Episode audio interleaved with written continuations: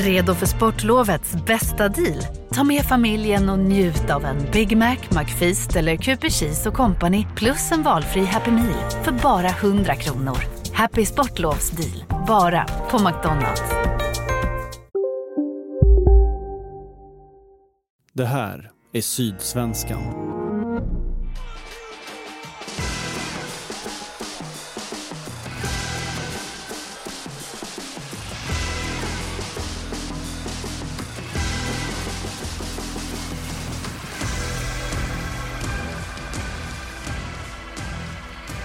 Välkomna tillbaka till MFF-podden. Det här är avsnitt nummer 311. Jag heter Fredrik Hedenskog och jag har sällskap i studion av Fredrik Lindstrand och Max Wiman.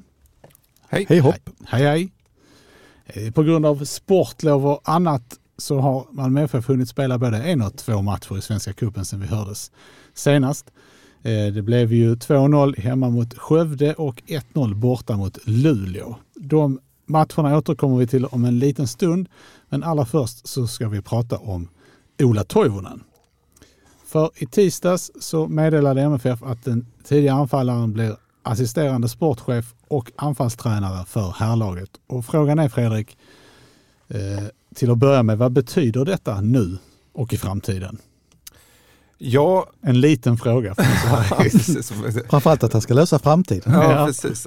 Som Saida då. Eh, Just, just nu betyder det kanske inte så jätte, jättemycket. An, an, om man då bortser från att möjligen att Daniel Andersson får faktiskt ännu lite mer att göra eftersom han liksom ska skola in Toivonen i sportchefsjobbet och eh, alla som blir inskolade vet ju att det är, är ju en period där man kanske känner sig lite dum i början och frågar massa, massa frågor och, och så vidare. Och Daniel Andersson får ju liksom guida Toivonen rätt även om han har förstås rört sig i de här miljöerna för, tidigare och så.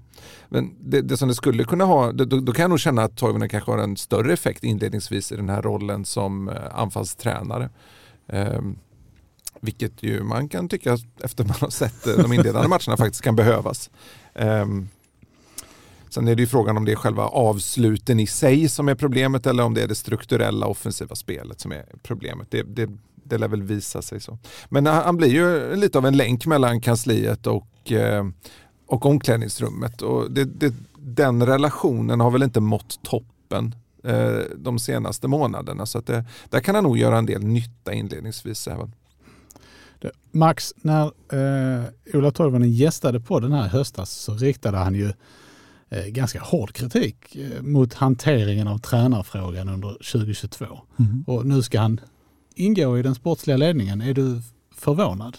Nej, egentligen är jag nog kanske inte det. Eh, Det kan låta motsägelsefullt. Nej, men jag, jag tror att eh, det säger en hel del om hans integritet och hans ställning att han kunde vara så tydlig i tränarfrågan och vad han tyckte och tänkte. Och, eh, jag tror inte minst också att han kände att, att anfallsspel var nog någonting som var försummat i det hela. Eh, sen har han ju ingen tränarerfarenhet, det ska man komma ihåg. Men, men jag, personligen så tror jag det är väldigt, väldigt bra att han kommer in i organisationen direkt och inte försvinner någon annanstans. Jag tror att eh, han har mycket att tillföra MFF på många plan med sin person som han har utvecklat något enormt inom under tiden han, han har haft sin karriär. Alltså det, är en, det är en väldigt stark personlighet MFF får in. Och jag tror Fredrik skrev det var första studsande tanken var när han dök upp att han ska väl börja spela igen. Ja, men det, var, det var inte helt glasklart när man läste. Nej, för, och det, för jag menar, vi ska väl prata mer om det, men en reflektion direkt efter är ju att det känns som att de här två sportcheferna, tycker jag, har ett problem att lösa nu snabbt i detta transferfönster. Malmö FF behöver en anfallare till av hög klass, en målskytt som, som kan förväntas göra mycket mål.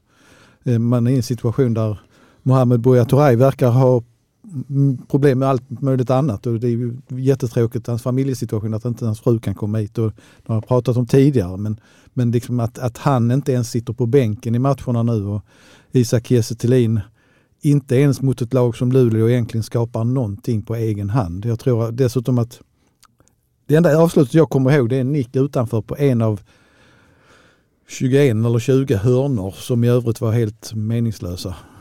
Det, det, det, det är klart att MFF har ett problem där.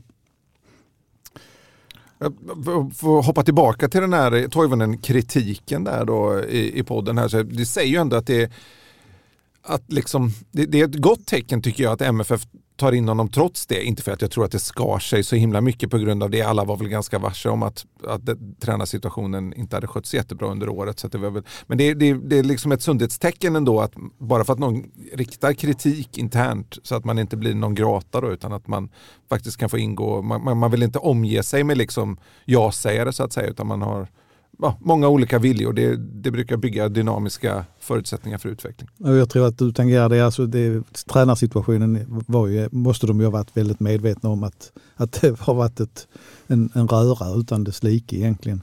Eh, men det är någonting som man aldrig liksom, man kan ju inte spräcka fasaden utåt där för mycket heller. Men, men jag tycker också det är bra att man Ehm, det är ju samma sak egentligen med Johnny Fel som finns i ledarstaben som också inte är rädd att säga ifrån och, vara kritiska. Så det, det, är klart att det är viktigt att vara, vara öppna på det sättet. Så jag, jag, sen kan man ju fundera vidare på vad det betyder framåt som du sa.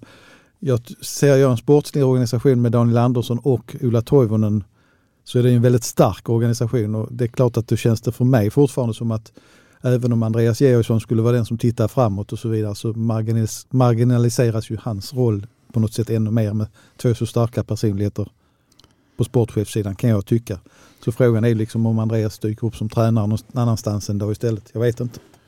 Men är det, eh, håller, gör du samma tolkning Fredrik? Eller handlar det om att, att den är, liksom att, att Georgssons roll är så vagt beskriven utåt så att den är svår att liksom ta till sig. Ja, alltså jag såg pressmeddelandet som MFF skickade ut beskriver den så här. I den tekniska chefens roll ingår bland annat att ha det långsiktiga strategiska ansvaret för Malmö FFs fotbollsutveckling samt det strategiska ansvaret för att uppnå och sträva mot de mål som sätts upp i den sportsliga strategin.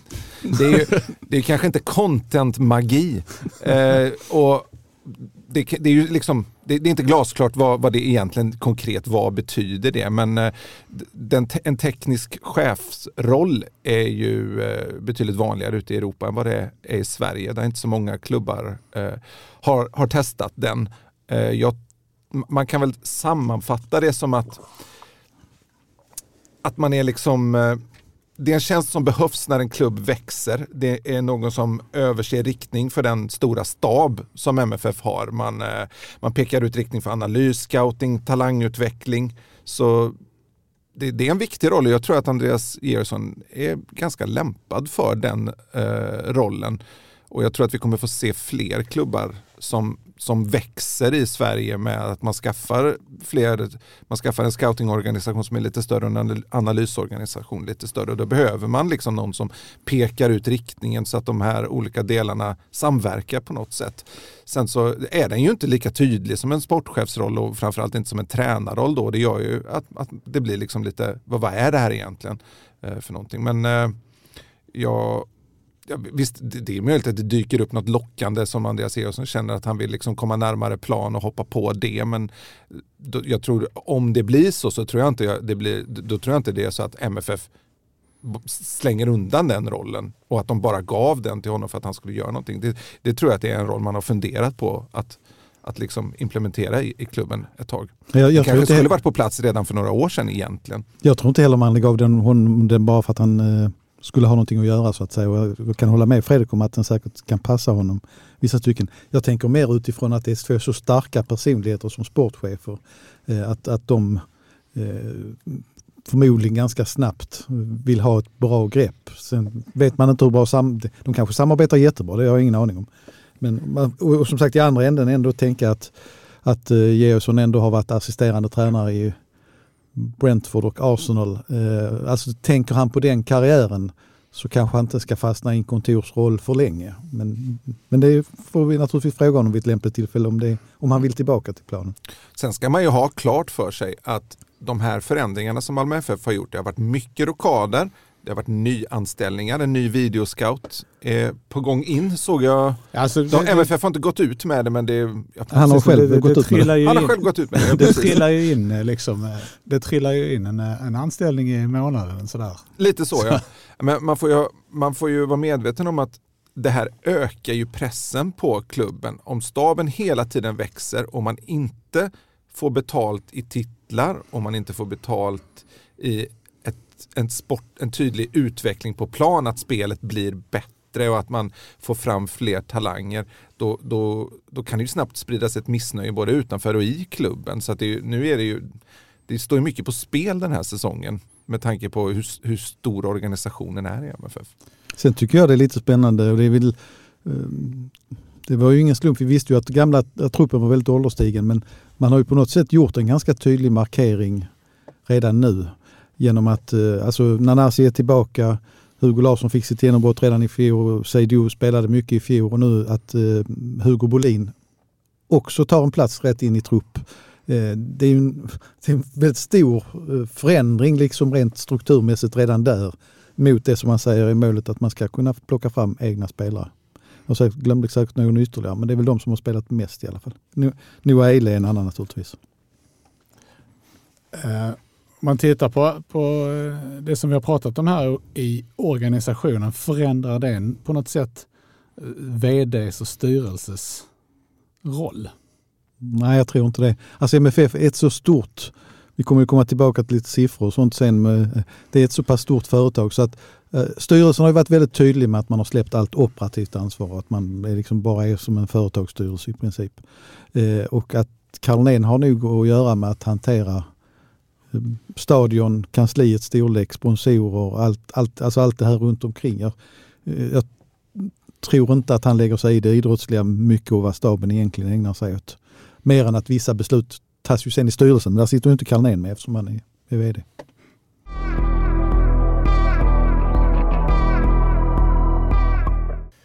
Om vi då går vidare och eh, vrider fokus till det som MFF har presterat på planen så verkar det finnas en del oro i supporterleden efter insatsen i Luleå.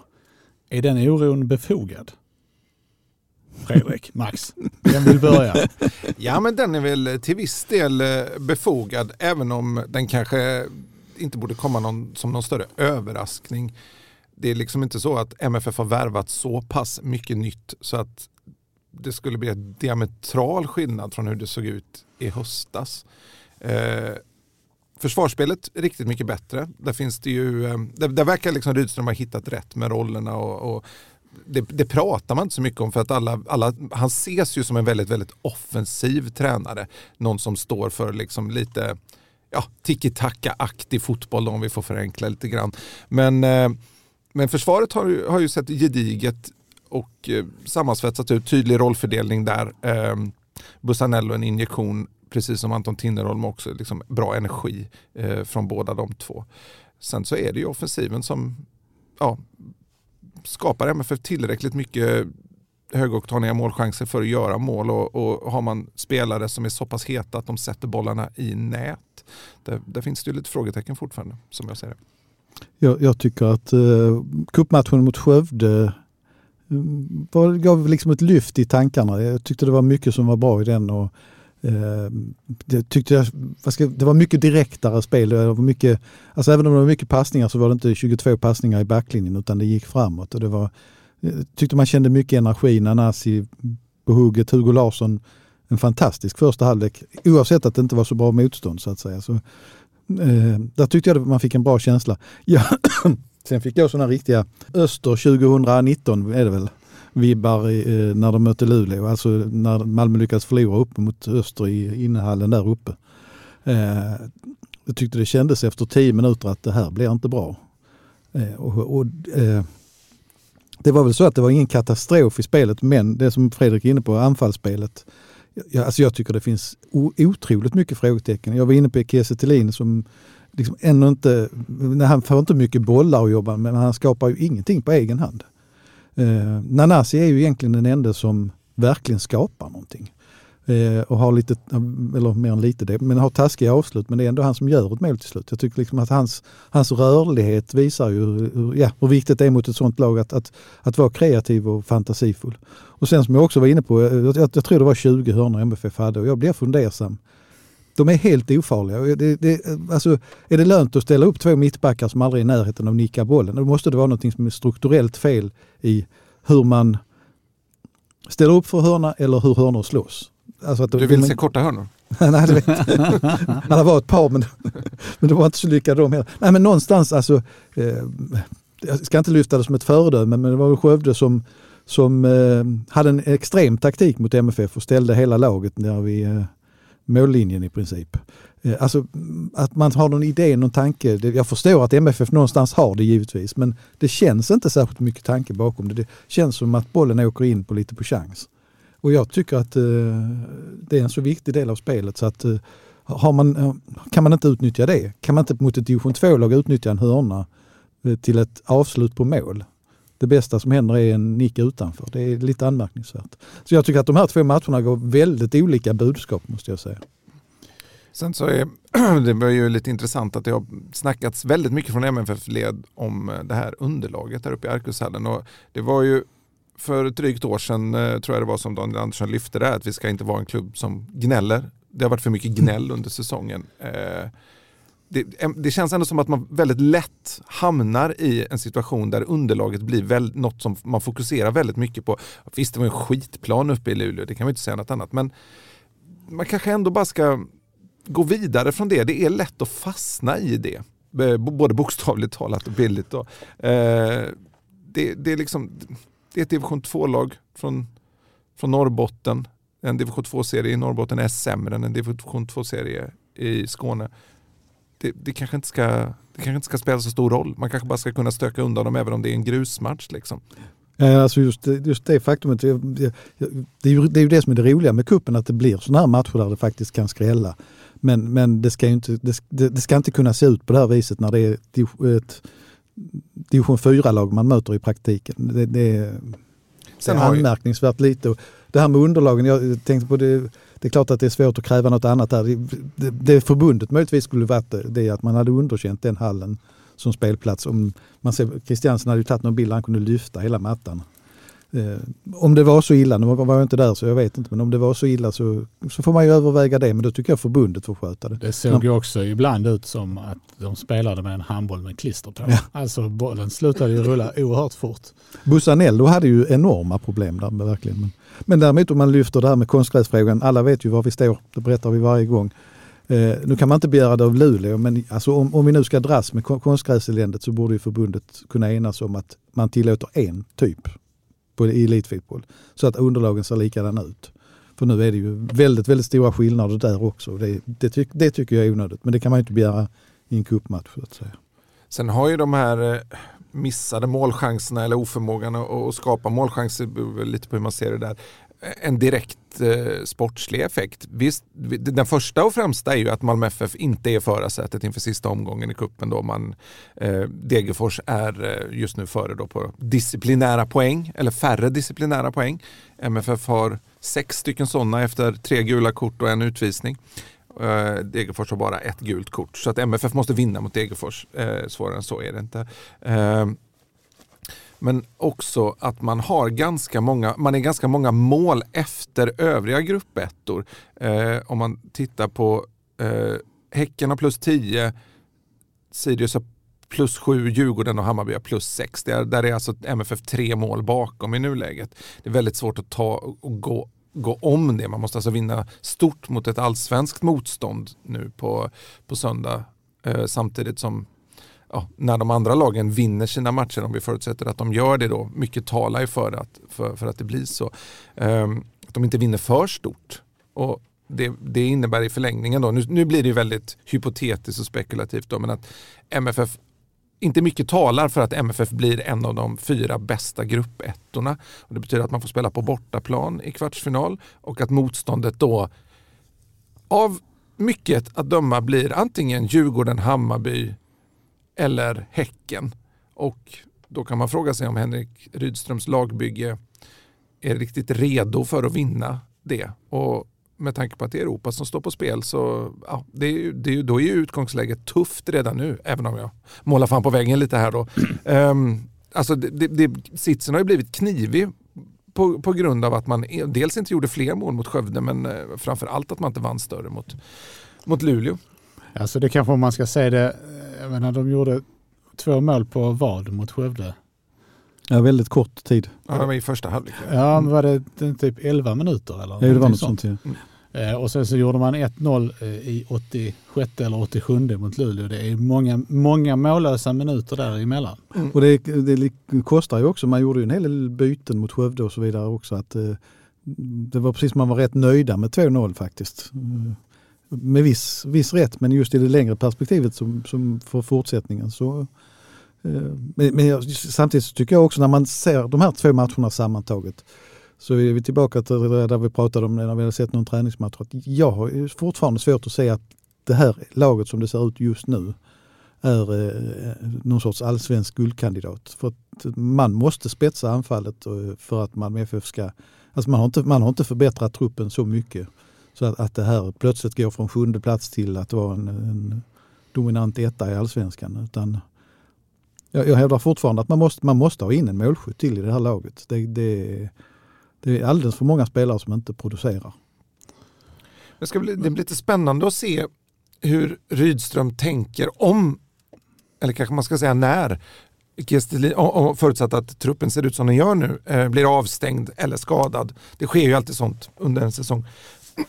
om man liksom om man väljer, är det Buya Turay som går från läktaren in i startelvan då, för han är ju det alternativet som finns där.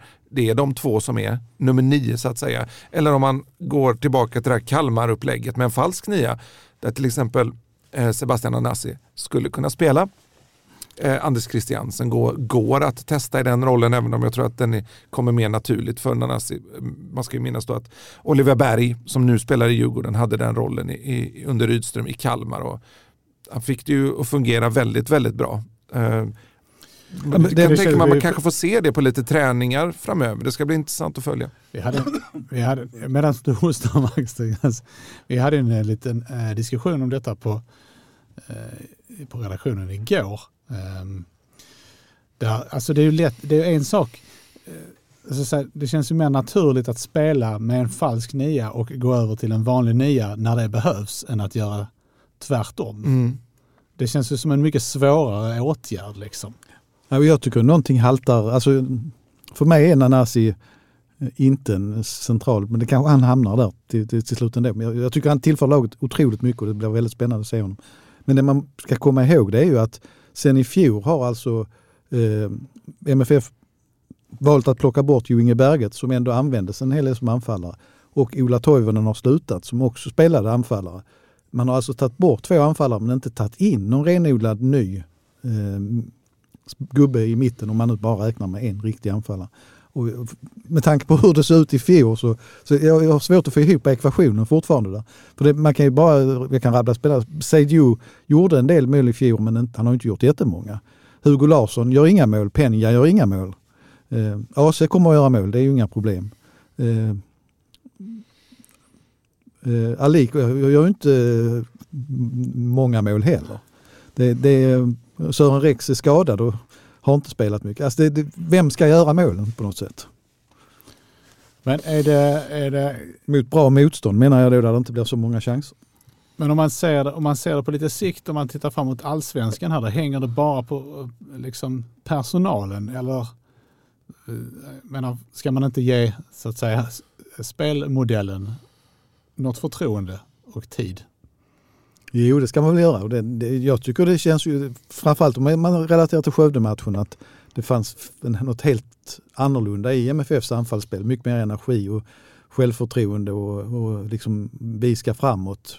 Penja var ju ett lysande exempel på liksom att de gick framåt och även Hugo Larsson. Så att, den delen eh, absolut, men med tanke på situationen runt Buya Turay så tycker jag fortfarande det är jättesignaler om att det, det, är någonting som ändå fattas där. För annars är det ju som just, alltså backlinjen känns ju så oändligt mycket tryggare i år. Eh, och mittfältet känns som man har hittat en rätt balans med de här tre gubbarna centralt. Men om man, om man då ska eh, ta in en anfallare, vad är det en, är det en Thelin-typ till eller är det en annan spelartyp som behövs? Ja, men Ja, egentligen så är det ju den här Jo Inge Berget-figuren kanske lite grann som skulle behövas. Eh, för jag tycker det finns en lite djupledslucka ute till höger. Men någon som kan hantera både den centrala rollen, inte nödvändigtvis då som target, vilket ju egentligen inte Isak Estelin i första hand är heller. Men det ska, ja, en stark djupledslöpare, som även kan spela med ryggen mot mål. Och, jag menar, det, är liksom, det är en väldigt mångsidig forward man vill ha in där och det är, de växer ju inte på träd. Liksom. De är ju jättesvåra att hitta. Inga namn ni vill kasta ut så här? Får avvakta lite med det, kan bli till nästa avsnitt. um, om man då uh, om man blickar framåt här mot uh, gruppfinalen mot Degerfors på söndag så är det ju som nämnts en match som MFF måste vinna om man inte på något sätt kan lura Degerfors till en massa kort samtidigt som man spelar oavgjort. Uh, men inför den matchen så finns det ett antal frågor som är relevanta att ställa till att börja med, vem ska spela på inomhusfältet? Penja är ju avstängd. Uh, Hugo Larsson och Lewicki har haft lite, visserligen vad det verkar ganska lindriga skadebekymmer, uh, men ändå. Mm. Ja, det, äm, Sergio Penna kommer ju saknas helt klart. Eh, framförallt, eller framförallt, men stor del har han ju vunnit väldigt mycket boll. Inte så att han går in och köttar och vinner närkamper kanske, men han, han, samlar ju upp andra bollar på ett, på ett föredömligt sätt och han sätter fart på bollen betydligt bättre än vad han har gjort tidigare. Och sen har han ju den här förmågan att slå ut motståndarnas lagdelar med sina genomskära passningar som ibland inte går rätt, men ofta gör det. Så MFF vinner mer på honom på planen än att inte ha honom så att säga. Och det är ju med råge. Eh, så han, han blir helt klart saknad, för det är ju ingen annan som riktigt besitter den passningskontrollen han har. Då. Men vad, vad finns om man går igenom alternativen då? Lomotey, eh, Lewicki, Larsson och AC ser jag som också kan spela där då om man till exempel väljer att flytta fram Zidane i Zid Seidan. Zidane. I, uh, Seidan i Zidane-rollen som nummer 10. Eh, Lomotey gjorde väl ingen bra match mot Luleå och, och liksom hanterats lite styvmoderligt i MFF så här långt samtidigt som att han faktiskt inte visat speciellt mycket när han fått chansen. Jag menar, man kan ju säga då att, att MFF inte har hanterat den situationen bra och spelat in honom men å andra sidan så är det ju så här ute i stora klubbar i Europa där konkurrensen är mördande. Du måste visa direkt när du får chansen. Det finns liksom ingen inspelningsperiod egentligen utan du får, du får visa på träningar att du är redo och när chansen kommer så får du ta den. Sen kan man eh, säga att för, för, hans del är det väl kanske inte det en, den, att spela på en eh, väldigt långsam konstgräsplan eh, mot ett, i en match där man har ungefär 75 procents bollinnehav mot ett lag som spelar med 11 spelare på egen tredjedel. Det är kanske inte där hans styrkor kommer liksom till sin rätt. Om man säger. Men ja, alltså vad det gäller Lomotey, alltså han har ändå fått sina chanser. Han har verkligen inte övertygat mot dåligt motstånd. Han fick ju spela någon cupmatch i fjol också där det var likadant. Där han inte lyckades särskilt väl. Så det är väl klart att på din fråga så tror jag det att MFF ska hoppas mycket på att Hugo Larsson och De Vicky verkligen kan spela. Det jag tänkte på annars det är väl att AC kan väl spela i den rollen så skulle möjligtvis att Hugo Bolin skulle kunna spela framför. Mm, ja precis, det alternativet finns också. Och visst kan eh, Ali gå till vänster, Nanasi i mitten och Zeidan till höger eller Seidio till höger. Alltså det, det, finns ju många olika alternativ där. Eh, men om man får bara få, det är svårt att dra till med någonting när man inte riktigt vet eh, skadestatus på spelarna. Men jag tror inte Lewicki spelar på söndag. Jag tror att det blir Lomotey och Hugo Larsson som spelar där. Och jag tror att Rydström helst vill ha AC i nummer 10-rollen med tanke på vad han bidrar med där. Sen om man tittar tillbaka till det här vi pratar om, eh, just vad som hände i Degerfors-matchen med Penjas röda kort. Eh, Luleå-matchen. Eh, förlåt ja. Eh, eh, Penjas röda kort och att man drar på sig flera andra varningar. Ska, ska man vara lite elakt kritisk mot MFF igen nu här så har man pratat tillräckligt om vikten att, att faktiskt göra mycket mål vad det gäller Skövde-matchen då och eh, hur man uppträder mot, eh, alltså ska man överhuvudtaget dra på sig varningar mot eh, Luleå eh, och till och med ett rött kort när det faktiskt kan vara faktorer som, som kan vara avgörande i just den turneringen. Jag vet inte, det är lite Alltså, tänk, tänk bara tanken att, att ett allsvenskt lag som spelar i Europa i höstas lyckas få en spelare utvisad med fem minuter kvar mot ja, nej, man, kan, man, man, kan ju tycka att den utvisningen var petig men att... att eh... Har du också valt att bli egen? Då är det viktigt att skaffa en bra företagsförsäkring. Hos oss är alla småföretag stora och inga frågor för små. Swedeas företagsförsäkring är anpassad för mindre företag och täcker även sånt som din hemförsäkring inte täcker. Gå in på swedea.se företag och jämför själv.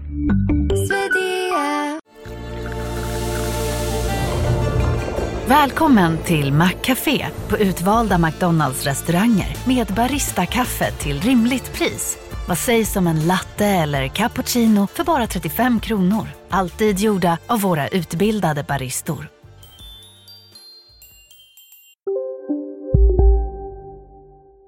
Situationen överhuvudtaget uppstår. Den ska ju inte uppstå, liksom- nej. Det, det, det tycker jag är... Sen tycker jag det var intressant och hon gjorde sina misstag men det, det är kul att Tess Olofsson fick chansen. Hon har ju dömt fler cupmatcher. Eh, hon hanterar många situationer bra och skulle kanske tagit ett rött kort tidigt på Luleå-spelaren som tacklade Sören Rex men, men hon hanterar det väldigt bra. Jag har, som jag skrivit tidigare hoppas jag snart vi får se henne i Allsvenskan snart på här sidan. Eh, om vi, oavsett då var Anders Christiansen spelar, är det inte läge att ge honom mer än 45 minuter nu? Ja, men det var nog smart tror jag att inte starta honom. Eh, dels för att ge andra chansen eh, i en match där man borde kunnat ta chansen. Eh, och det är viktigt att vara försiktig med Anders Christiansen i den här delen av säsongen. Speciellt när han har sett så het ut på träningarna som han gör. Liksom att skynda långsamt. Jag tror allt det är en del i planen. Och just i det här, den här matchen så tror jag det hade en del att göra med matchplanen också. Alltså matchens plan. Planen matchen spelades på. Att, att man vill Underlaget. Liksom, underlaget hade varit ett lättare ord att använda. Man vill inte äventyra honom i alla fall. Ja, men hur läget ser ut nu, alltså att eh, Malmö måste vinna eh, för att leva vidare i kuppen så finns det ju ingenting att spara på nu utan då är det ju att spela bästa möjliga lag så mycket som möjligt i den matchen. För misslyckas man så är det ju rätt många veckor till allsvenska starten sen så att säga. Så att, eh, nu kan man ju inte idka någon sorts försiktighet förutom spelare som naturligtvis har varit skadade och som kanske är tveksamma av det skälet. Nej, de har ju sparat på honom. Han spelar ju bara 45 minuter mot Skövde också. Ja. De 45 första visserligen. Men, men eh, ändå. Eh, om man tittar på övriga, vilka, vilka spelare eh, har press på sig att, liksom, så att säga, visa någonting? Ja, det är väl de flesta offensiva pjäserna skulle jag nog säga. Patriot Seydou har väl en del att bevisa tycker jag verkligen. Eh, Isak Kiese Thelin har en del att bevisa, eh, även om jag tror väldigt mycket på honom och jag vet, vi vet ju vad han kan så att säga. Men, och han, han, gjorde, han har ju gjort något mål i år men, men eh, han behöver synas och märkas mer definitivt tycker jag. Eh, det är väl framförallt de av de som startade nu senast om jag inte tappar någon. Ja, det är klart att jag håller ju Tinnerholm före Ceesay på högerbacken också för jag tycker inte att han är samma kraft. Nu kom det, bra du nämnde Tinnerholm, för nu har vi ju- nu blev det precis så här som, som Fredrik sa i början, att eh, försvaret pratar man inte om. Men men tror- kommer MFF, kommer försvaret att utsättas för några, några prövningar i den här matchen? För det har ju det varit rätt ont om i de två första. Men de möter ju allsvenskt motstånd så- det tror jag säkert. Eh, uppe i Luleå blev det lite snurrigt för Nanasi spelade väl vänsterback där ett tag mer eller mindre om du ska kalla Ja men det var väl ganska riskfritt tänker jag. Det var inte så att Luleå eh, Ja, de öste på i våg efter våg. Men, eh, nej, men eh, jag tror säkert att det kommer att... Degerfors kommer väl vara försiktiga säkert men, men det är klart att spelar man allsvenskan i fjol så har man ju ändå en, Mm. något helt annat i sig. Ja, men man, Degerfors kommer inte gå ut för att anfalla sönder den här matchen. Det, det gör man inte. Det är att ligga på kontring som, som gäller för dem. Eh, men när de, var i, de tog ju poäng när de var i Malmö senast. Kan säkert göra det igen.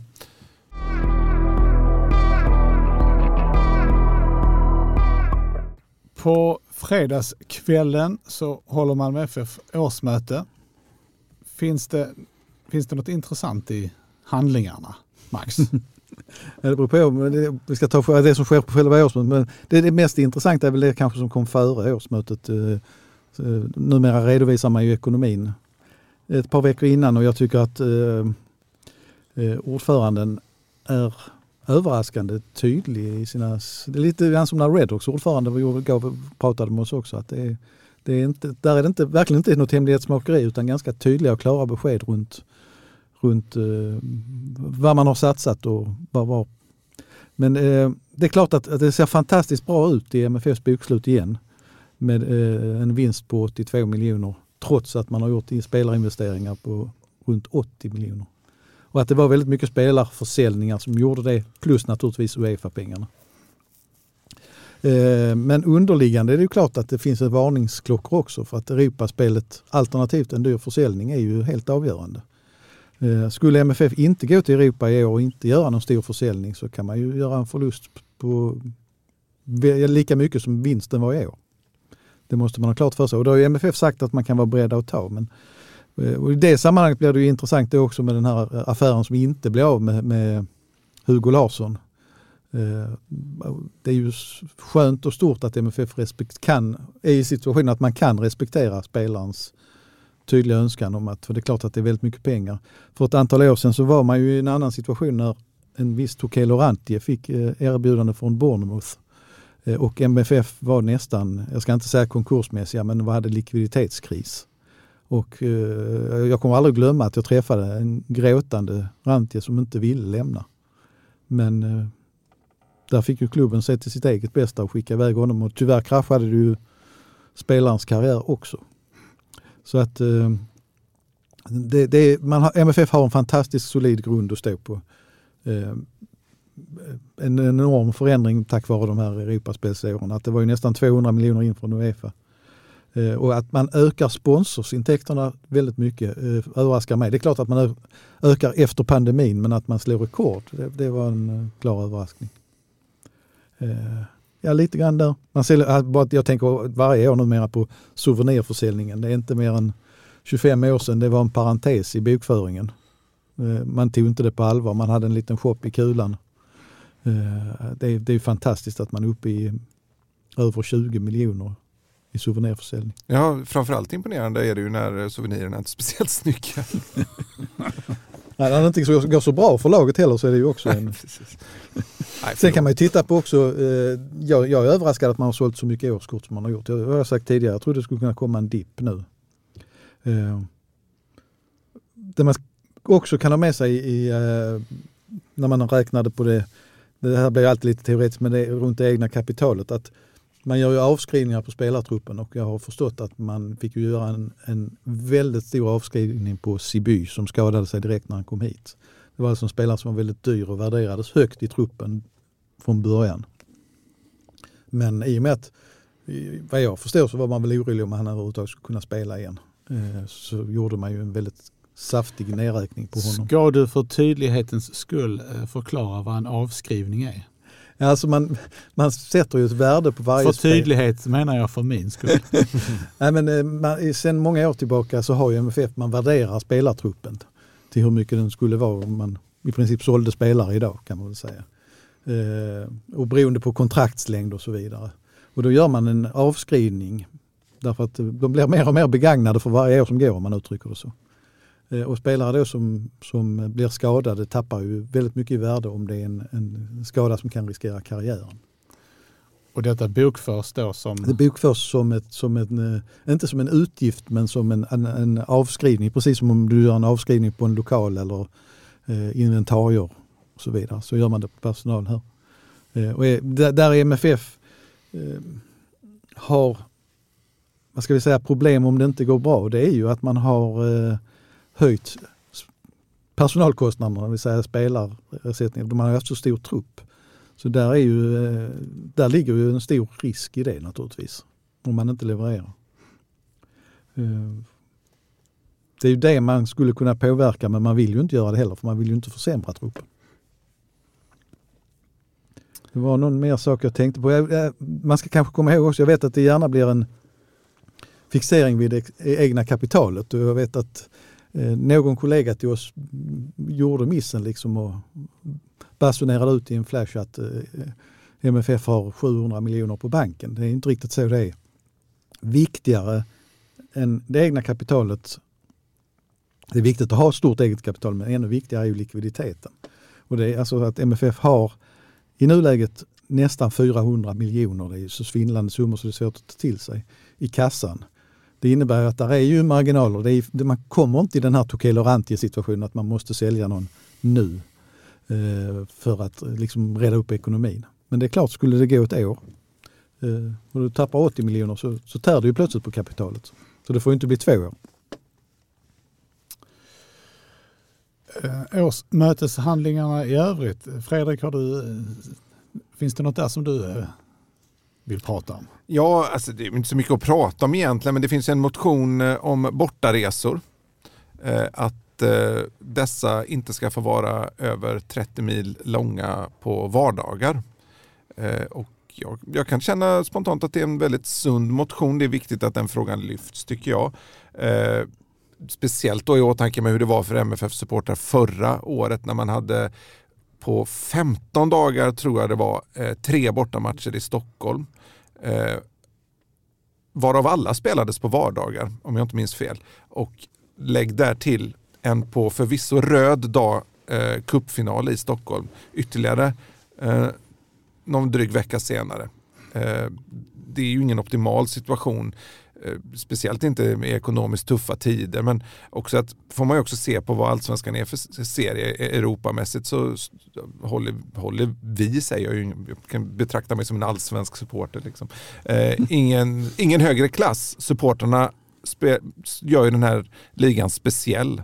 Eh, ett Stockholms derby till exempel håller ju hög internationell klass eh, läktarmässigt och det är också så tv-bolagen kan sälja sina abonnemang på häftiga inramningar, häftiga abonnemang. Eh, då är det också viktigt att tv-bolagen tar hänsyn till att läktarna ska kunna fyllas av, eh, av publik. Det är egentligen inte så mycket svårare än så. Och, ja, visst, det vill jag Vissa är ju, en hardcore-kärna kan ju alltid, de tar sig ju till matcherna oavsett så att säga. Jag menar, vi hade 70 pers uppe i Luleå en, en måndagkväll i februari. Det är ju, det är ju fantastiskt liksom.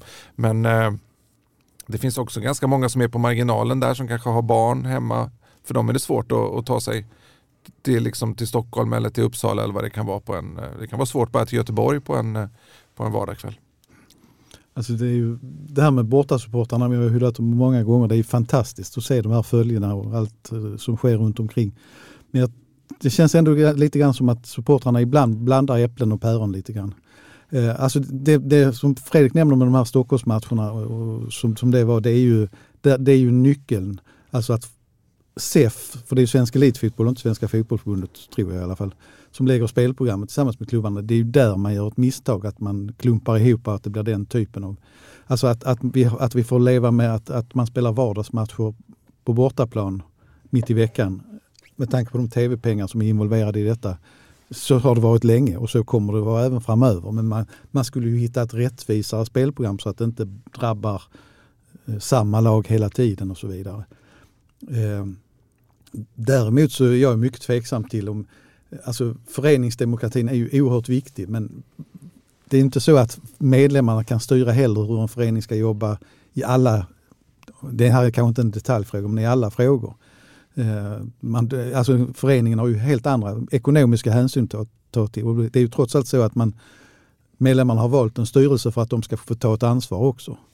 Eh, så att det, det är ju, jag vet ju att MFF styrelse avslår, för, föreslår avslag på motionen. Och det är ju helt enkelt för att man kan ju inte låsa sig vid att, att arbeta efter den linjen.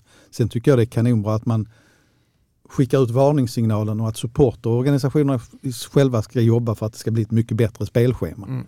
Jag tror bara att man för upp det här på någon slags dagordning, att man, att man liksom riktar strålkastarljuset lite mot att det här är en, är en situation som vi inte gillar. Det kanske är liksom det kanske räcker med den varningsflaggan. Eh, Även om motionen inte bifalles då så så, så är det ju ändå någonstans en seger av att det har skrivits artiklar om mm. den och att vi sitter här och, och, och, pratar om den. Det betyder mycket. Sen så kan man ju faktiskt eh, titta lite på spelschemat eh, nu under våren. Eh, Malmö FF får en bortamatch i Stockholm. Eh, det är på påskafton. Då är de flesta lediga. Eh, Göteborg, den är lite struligare där då en måndag, måndag kväll. Men den är under de 30 milen trots allt. Ja, Ja det är kanske, 20, vad är 28, det till Göteborg? 28? 28 ja, precis. men precis. Att, ja men de måste ju räkna, alltså 30 mil är ju ingen, eh, är inget avstånd som är taget ur luften. Nej. Men man, man tänker att Borås och Göteborg, det klarar man. Mm, precis. Och sen är det en bortamatch en torsdag i Varberg, också helt okej. Eh, vi har en söndag i Halmstad. Halmstad hade funkat på en veckodag också. Sen har vi en söndag i Borås. Och det är alltså, Det inte mitt, det är alltså en- inte mitt semesterschema jag lägger upp nu. Utan det tänkte säga är, att det låter som En debut, Ja, debutlyriksamling. ja, Det kommer Eh, regna den söndagen. en lördag i Värnamo i juni. Och sen har vi då 17 juli, Djurgården borta. Det är en måndag, men 17 juli är ju industrisemester så det står härliga till. Eh, Det kan säkert bli folk där också. Nej men alltså just i år är, är, ligger spelschemat ganska bra för MFF. Men det, det där kan ju variera såklart. Det var ju i fjol som eh, det var riktigt olyckligt. Och Jag Mm. har faktiskt för mig att det var likadant året innan med mycket Stockholmsmatcher. Ja, det var det. Var det inte så? Mm. Det var Jag inte riktigt så extremt men det var, det var mycket. Om man ska exemplif- exemplifiera just det här med vad, mycket vad, där medlemmarna verkligen ska kunna påverka i en förening. Så finns det en annan motion hur man använder MFFs klubbmärke. Eh, Där medlemmar, där jag tror- bara kan hålla med med all rätt har ifrågasatt hur det används rent färgmässigt i olika sammanhang där sponsorer får göra lite vad de vill med dem. Eh, Och det tycker jag är väldigt intressant att se hur det faller ut, det resonemanget runt det. Därför att en, eh, Tar, grundar sig den i den här European Nights eh, bortatröjan? eller? Den, den nämns ju. Den nämns ja. Och där är fler, där är även vissa eh, kollektioner som säljs i, i shop och sånt här. Ah, där okej, du okej. eh, Ja. eh, använder klubbmärket utan de färger som det egentligen ska vara. Ja, den, den kritiken mot European Nights tyckte jag var... Den ställer du? Den, den ställer jag mig inte bakom. Den tyckte jag var lite småaktig faktiskt. Det är ju, jag tycker att man ska få ta ut, träng, eh, ta ut svängarna ordentligt på en tredje tröja. Och MFF har ju, supportrarna har ju å ena sidan kritiserat MFF för ganska en, en lite trist hållning till sina matchtröjor. Att man, liksom en, man kör på med Puma och man har samma grundmönster som i stort sett alla andra Puma-klubbar. Och när man verkligen tar ut svängarna då med en tredje tröja, äh, då är det gnäll på det också. Liksom. Då, där, någonstans Alltså, får man lite bestämma sig. Din huvudmening var mot själva namnet på Ja, det var ju rusk. Ja, det låter ju som, någon, det låter ju som en vuxenfilm. Den här Det- European Nights är en, det är en, faktiskt en separat del av, som jag tolkar det av det hela. Eh, där man talar om eh, klubbens klubbskölden. Eh, och sen finns det en annan motion om att aldrig ändra. Ja, det är, nej, det är samma, det är samma princip. Eh, faktiskt i båda två när jag läser. Det är två motioner i samma ämne. Mm. Sen, sen så kan jag ju känna att jag tror inte att det finns någon ambition av, inom Malmö FFs organisation att liksom eh, vanställa klubbmärket på något sätt. Det, det känns, ja, det, det här känns som en, liksom, ren- någon teoretisk övning som pågår. Ja, men det finns ju det finns dyker upp sociala medier med jämna mellanrum de som kritiserar när andra har gjort några justeringar eller använder Mm. ett gammalt klubbmärke. Och sånt här. Så att det, det, för en del människor så är det väl väldigt angeläget. Men, men det är klart just det där med färgerna, det, det kan man fundera kring. Och det, det, kan jag tycka att de har rätt. Sen är det svårt att se var det landar och att vi vet vilka, vilket inflytande inte minst eh, klädsponsorer har i sammanhanget och naturligtvis även andra sponsorer. Mm. Där kan man ju säga att, ja, det är inte klubbmärket, men hockeyn är, känns ju som att den är lite mer vild eh, och hittar på lite allt möjligt. Det var ju många lag som spelar i regnbågströjor nu helt plötsligt. Ja, I USA är det väldigt vanligt att man har sådana här eh, Mexican Nights, i alla fall de eh, sydstatslagen i basket till exempel har ju alltid någon sån eh, ja, mexikansk afton och då liksom ändrar man till spanska på, på tröjan och så vidare. Vi får se om MFF kanske kan styra upp någon slags Dan. Danish Night. Det hade man gärna sett. Det finns ju hummelkänningar i MFF-styrelsen så redan där är man ju, där är man ju på väg. Ja. Eh, Apropå styrelsen då så blir det också eh, någon form av förändring där. Eller hur Max? Jo, eh, det är en ledamot som eh, lämnar styrelsen. Det är väl inte, de brukar ju vara, jag ska inte säga statiskt, men folk brukar ju sitta ganska länge. Men det är väl en, en person som inte, kanske inte har gjort sån jättestor stort avtryck och som jag knappt vågar uttala namnet på, Hamdja Yusufadic, som har avbrutit omval. Och eh, det innebär då att eh, eh, Anders Jönsson föreslås av valberedningen och Anders Jönsson då för riktiga MFF-supportrar klingar bekant som en gammal spelare från 90-talet. Då han, eh, han har spelat 70 matcher i A-laget. Eh, förlåt, 70 matcher i, eh, MFF var 18 i A-lagströjan så han har ju inte satt något jätteavtryck på det sättet. Och gick sedan till HIF men har en intressant karriär i näringslivet efter det. Eh, en del supportrar kommer inte tycka om det kanske men han är inte kvar där men han har ju jobbat på Puma. Välkänd eh, direktsponsor för MFF. Eh, och nu jobbar han med solceller. Det ligger ju i tiden kan man säga. Ehm, ja, Eh, efter denna näringslivsutvikning så tror jag att vi... Eh, Vi har otroligt många strängar på vår lyra. Ja, ja, modeexperter, näringslivsexperter, fotbollsexperter. You name it. Eh, tack. vi, jag tror vi sätter punkt där för den här gången. Eh, och vi återkommer här efter eh, Degerfors-matchen. När vi har lite mer att gå på vad som gäller eller eventuellt inte alls gäller i kuppen framöver.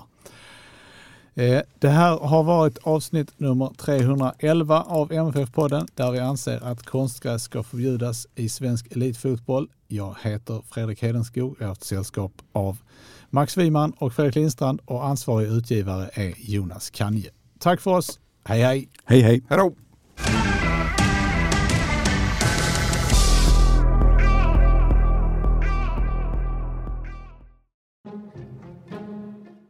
jättekomplicerad konflikt. Just idag kan man ju förenkla det och säga att det finns, det finns två sidor, två nätverk. Vilka är det egentligen som skjuter i Malmö? På ena sidan ledaren för Satudara Assassins och hans kompisar. På andra sidan något som slarvigt kan kallas för Kroksbäcksgänget. Hur hänger de skånska skolattackerna ihop? de gjorde sådär som barn kan göra. Att man liksom skär ett litet snitt i handen så att det kommer några droppar blod och så blandar man blod med varandra. Det är därför de kallar varandra för blodsbröder. Och hur kommer det sig att det pågår en modern vikingafejd i Skåne just nu? så försvinner en, eh, ett vikingaskepp på 14 meter mitt framför ögonen på personalen. I vår nyhetspodd Du lyssnar på Sydsvenskan får du det viktigaste och mest spännande som händer just nu i Skåne, Sverige och världen. Du hittar den där du lyssnar på poddar.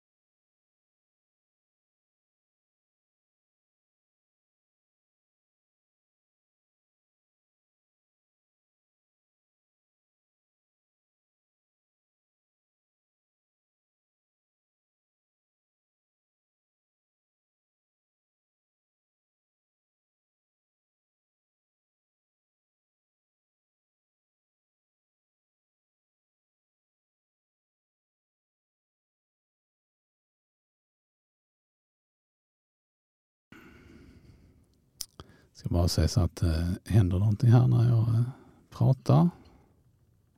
Mm. Eh,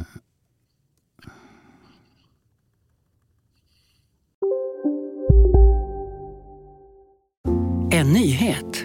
Nu kan du teckna livförsäkring hos Trygg-Hansa. Den ger dina nära ersättning som kan användas på det sätt som hjälper bäst. En försäkring för dig och till de som älskar dig. Läs mer och teckna på trygghansa.se. Trygg Hansa. Trygghet för livet. Hej, Susanne Axel här. När du gör som jag och listar dig på en av Krys vårdcentraler får du en fast läkarkontakt som kan din sjukdomshistoria. Du får träffa erfarna specialister, tillgång till lättakuten och så kan du chatta med vårdpersonalen. Så gör ditt viktigaste val idag, listar dig hos Kry.